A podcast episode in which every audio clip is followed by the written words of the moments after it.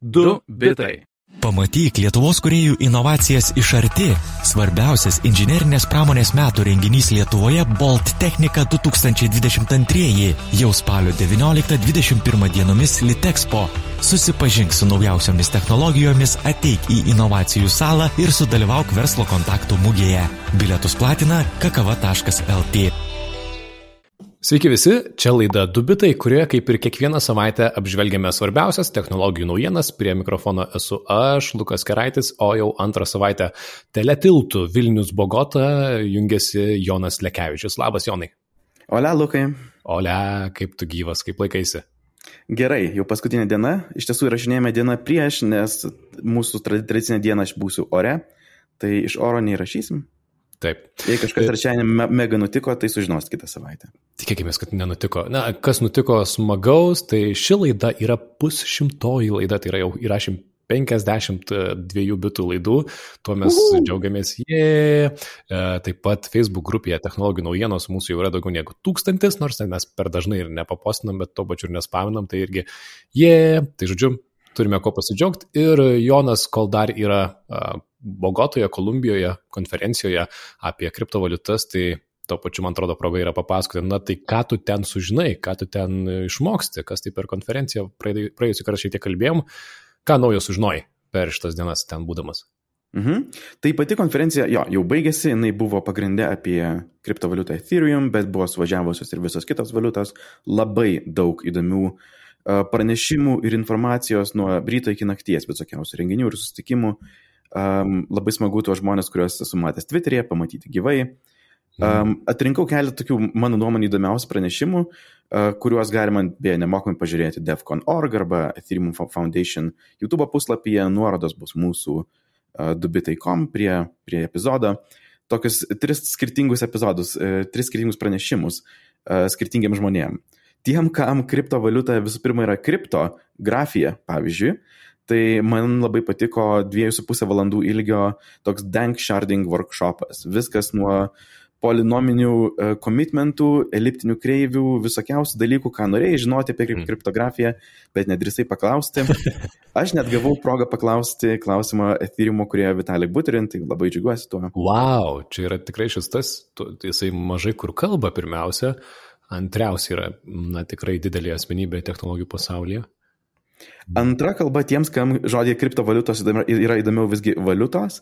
Man pasirodė įdomi kalba apie ultrasound money, kur Justin Drake kalbėjo apie perspektyvas, apie pinigus, jų funkcijas, ekonominį saugumą ir taip pat man labai pasirodė mūsų klasifikavimas pinigų pagal greitį. Tai yra tokie lėti arba šalti pinigai kaip užstatas, greiti pinigai kaip apsiskaitimo būdas ir taip toliau. Tokia pinigų filosofija. Manau, visai įdomus pranešimas. O trečias pranešimas, vėlgi, tiem, kam kriptovaliutos yra kažkokia revoliucija, tarkim, arba šiaip ideologinis judėjimas, tai manau tikrai jiems patiktų pranešimas, e, kurį Eric Wall padarė tema apie social slashing. Tai yra, kaip elgtis su tinklo dalyviais, kurie elgesi pagal protokolo taisyklės, tačiau mums vis tiek nepatinka, kaip, ką jie daro. Pavyzdžiui, cenzuruoja tam tikrus uh, pavedimus.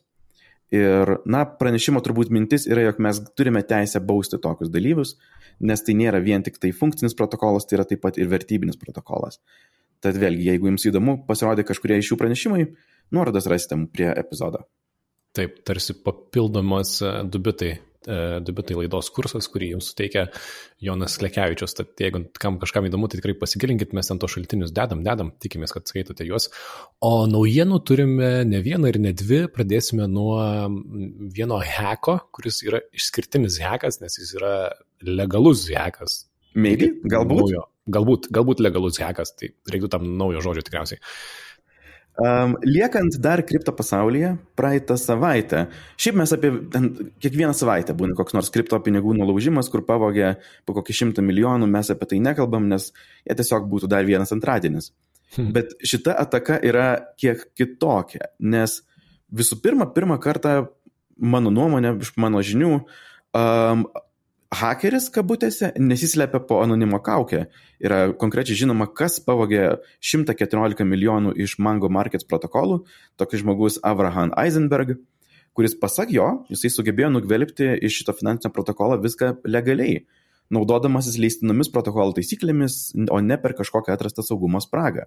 Mhm. Kol nenubėgom per toli, finansinis protokolas, apie ką, tu, apie ką mes čia kalbam? Čia tiesiog dar vienas kriptovaliutų, um, nežinau, išraiška tam tikrą prasme, nes galima susiprogramuoti tam tikrus um, mainimosi arba skolinimosi uh, protokolus. E, šiuo atveju Mango Markets tai buvo skolinimo protokolas, kur buvo galima už, užstatyti tam tikrą valiutą, gauti kitą valiutą atgal.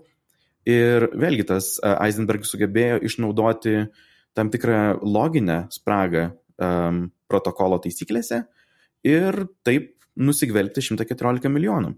Tam jam reikėjo apie 10 milijonų pradinio kapitalo, kurį beje jis jau buvo susirinkęs iš praeitų panašių atakų. Tai mhm. uh, ne pirmas jo rodėjo, taip sakant.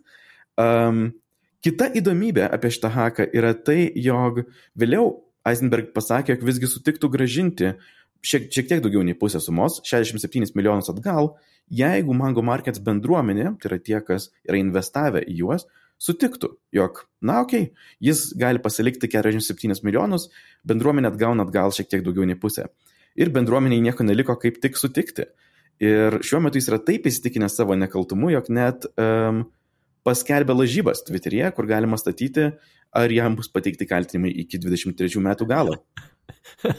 realiai daro šau, ar ne, iš savo hako, tai ne tik pasisekė nugvelbti didelę sumą pinigų, bet, bet galbūt, na, ir iš tikrųjų yra tikėtina, kad ta istorija išsiritulios taip, kad jam tie pinigai liks ar ne, nebus įrodyta jokia kaltė ir jis tiesiog bus išnaudojęs, legaliai išnaudojęs tam tikrą spragą, kai prieš keliarius metus čia, ar ne, buvo paaiškėjus ta istorija apie E, pensininkų porinktinėse valstijose, kurie tiesiog septynerius ar daugiau metų žaisdavo loterijoje ir pirkdavo tam tikrą kiekį bilietų ir apeidavo sistemą ir laimėdavo didelis pinigas, pinigų sumas, bet nieko nelegalaus nedarė. Tai kažkas panašaus gali būti, kad įvyko ir čia.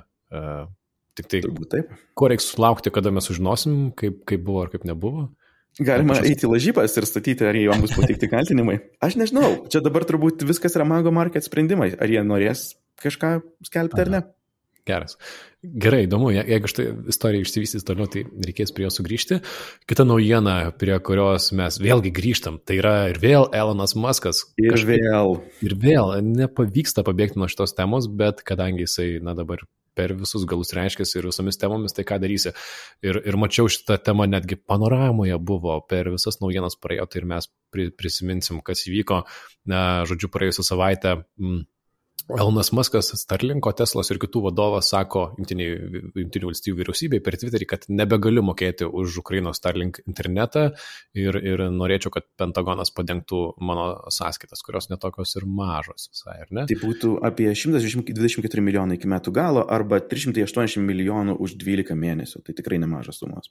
Taip, priminsime, kad na, nuo karo Ukrainoje pradžios, nuo vasario, Elnas Maskas uh, pačių ukrainiečių prašymų siunčia uh, Starlink interneto lėkštes, tas fizinės lėkštes, kurias reikia turėti, kad būtų galima jungtis prie palidovinio interneto, prie tų palidovų, kurie skrenda virš žemės, jau keli tūkstančiai jų skraido ten ir na, jie yra naudojami finansinėmis reikšmėms. Ir aš praėjusią savaitę jau, man atrodo, buvau užsirašęs tą paminėjimą, nežinau, ar pasakiau, kad politikos apžvalgininkai įdomiai yra pastebėję, kad visgi Starlinkas yra Junktinių valstybių užsienio politikos įrankis ir lengva įsivaizduoti, kad kai atsitiks kita geopolitinė krizė, Junktinės valstijos kartu su Elono Masko Starlinku jau greičiau reaguos, išsiųsdami tą internetą, pajungdami internetą tai šaliai, kuriai, na, tikėtina autoritarinis režimas ar dar kažkas bus atjungę internetą arba suteikdami internetą to šalies kariuomeniai.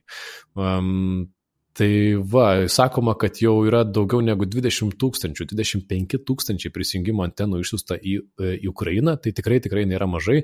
CNN, pavyzdžiui, sako, kad Junktinės valstijos, e, Didžioji Britanija ir Lenkija dalinai susimokėjo už tas Starlink paslaugas, tai čia irgi nėra, nėra iki galo aišku.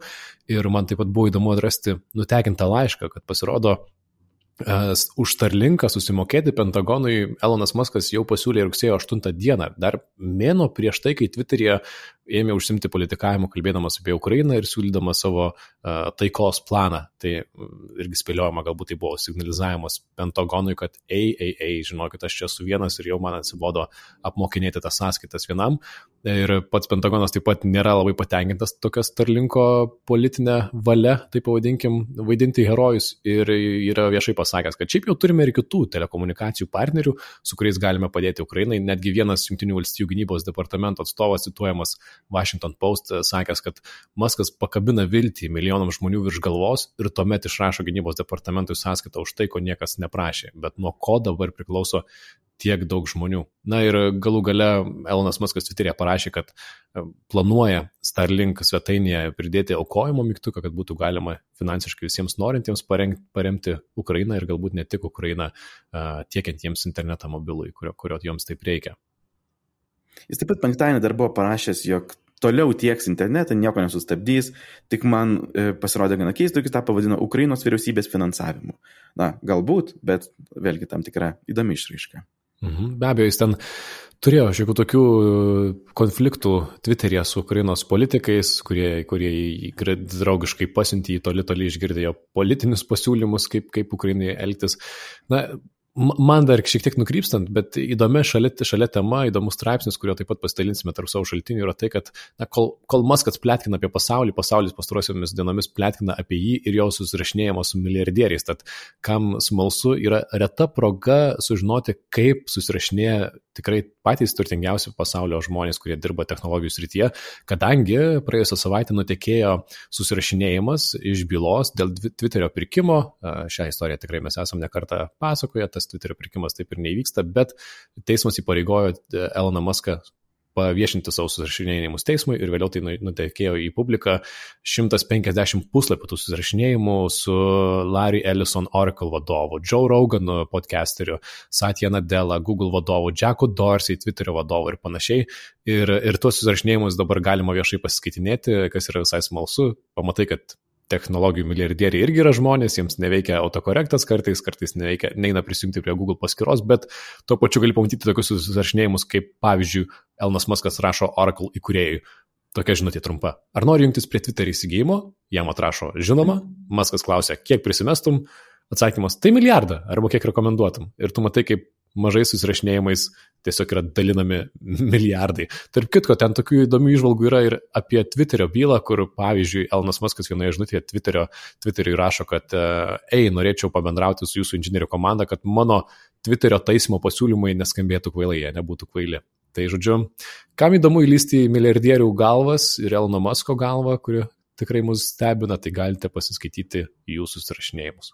Iš šitų man bei įdomiausias pasirodė jo susirašinėjimas su Jack Dorsey, buvusi Twitter CEO, nes ten galima visgi rasti pačias užuominas, pačias uh, užuomasgas um, minčių įsigyti Twitterį. Nes atrodo, tiek Jack, Jack nebuvo labai patenkintas, kaip ėjo Twitteris, jis pas dabar išėjo kurti savo kito startupo. Um, Taip pat buvo akivaizdu, jog vėlgi Maskas nebuvo patenkintas ir tokios užuominos e, minčių, jog, hmm, gal čia būtų galima kažką padaryti. Visai įdomu, kaip tai užgimsta. Taip, dubitai.com, ten įdėsime tą šaltinį, kas norisi, kam norisi daugiau pasiskaityti, kaip susirašinėja technologijų milijardieriai.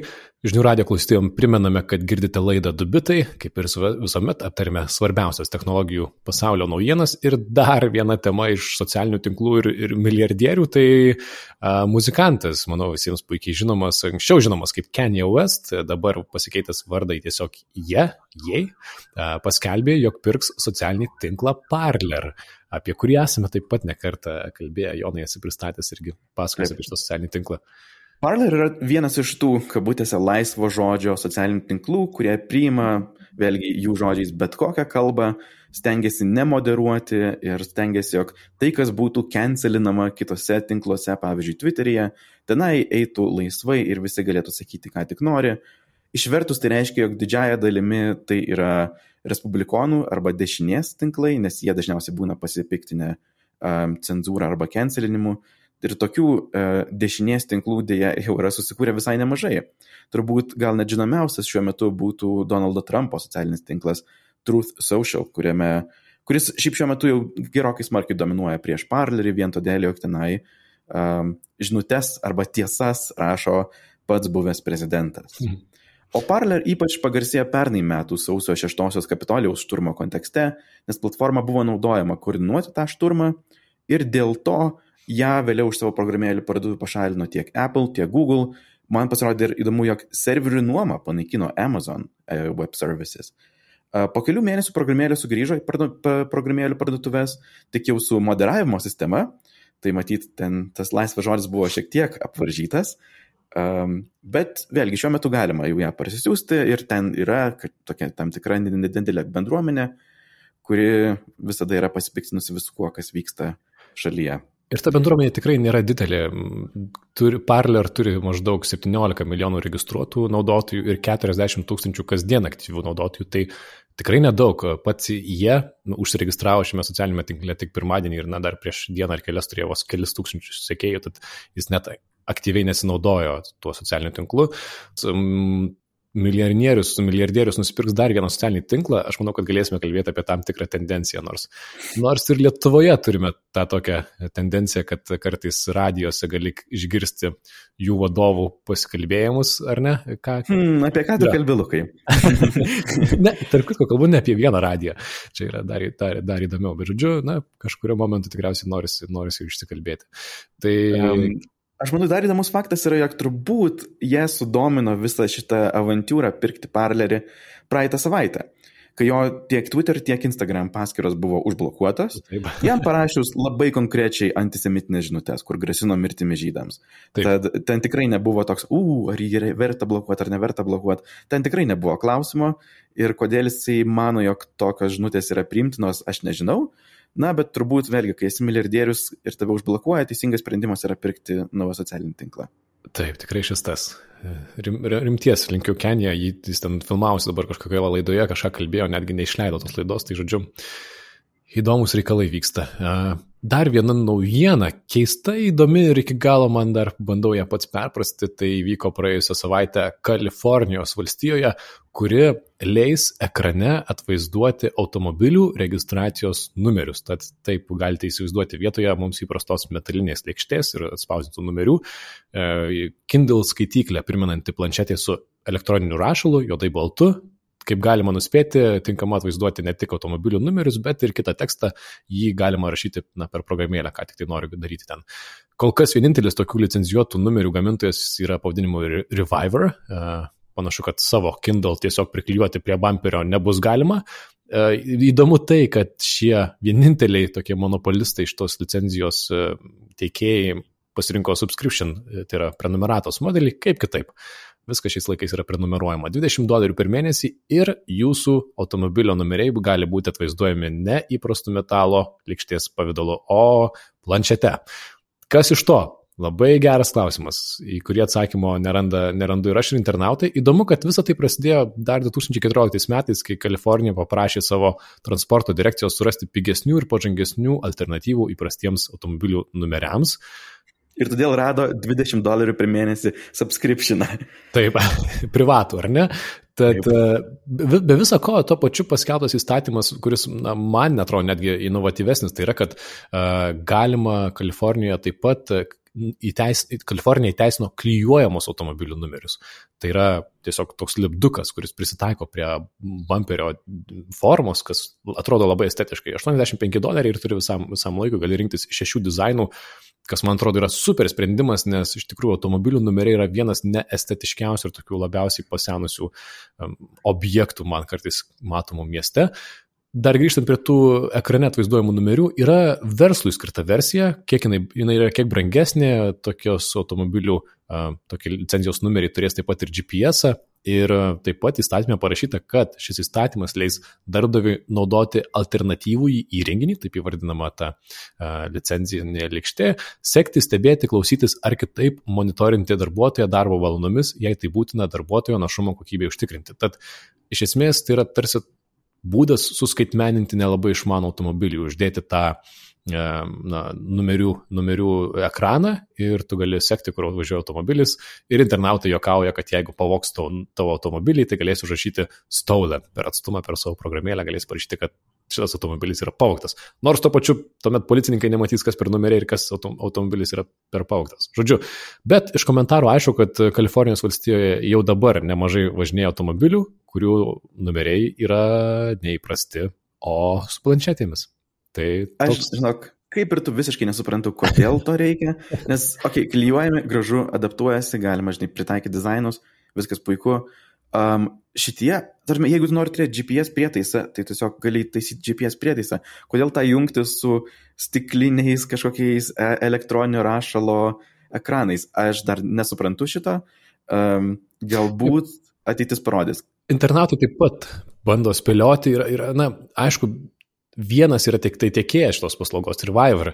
Ir, ir ta paslauga tikrai nėra tokio pirmo būtinumo, tai yra kalbama, kad galbūt čia kažkas kažką prastumė, iš kitos pusės Kalifornija tiesiog kaip valstija mėgsta būti labai kieta ir viską daryti naujoviškai, tai čia toks visai Kalifornijos stiliumi, hei, hei, mes pirmieji, mes padarėm kažką naujo e, ir jeigu tai naudinga tik tai pasimavimui, tai tebūnė.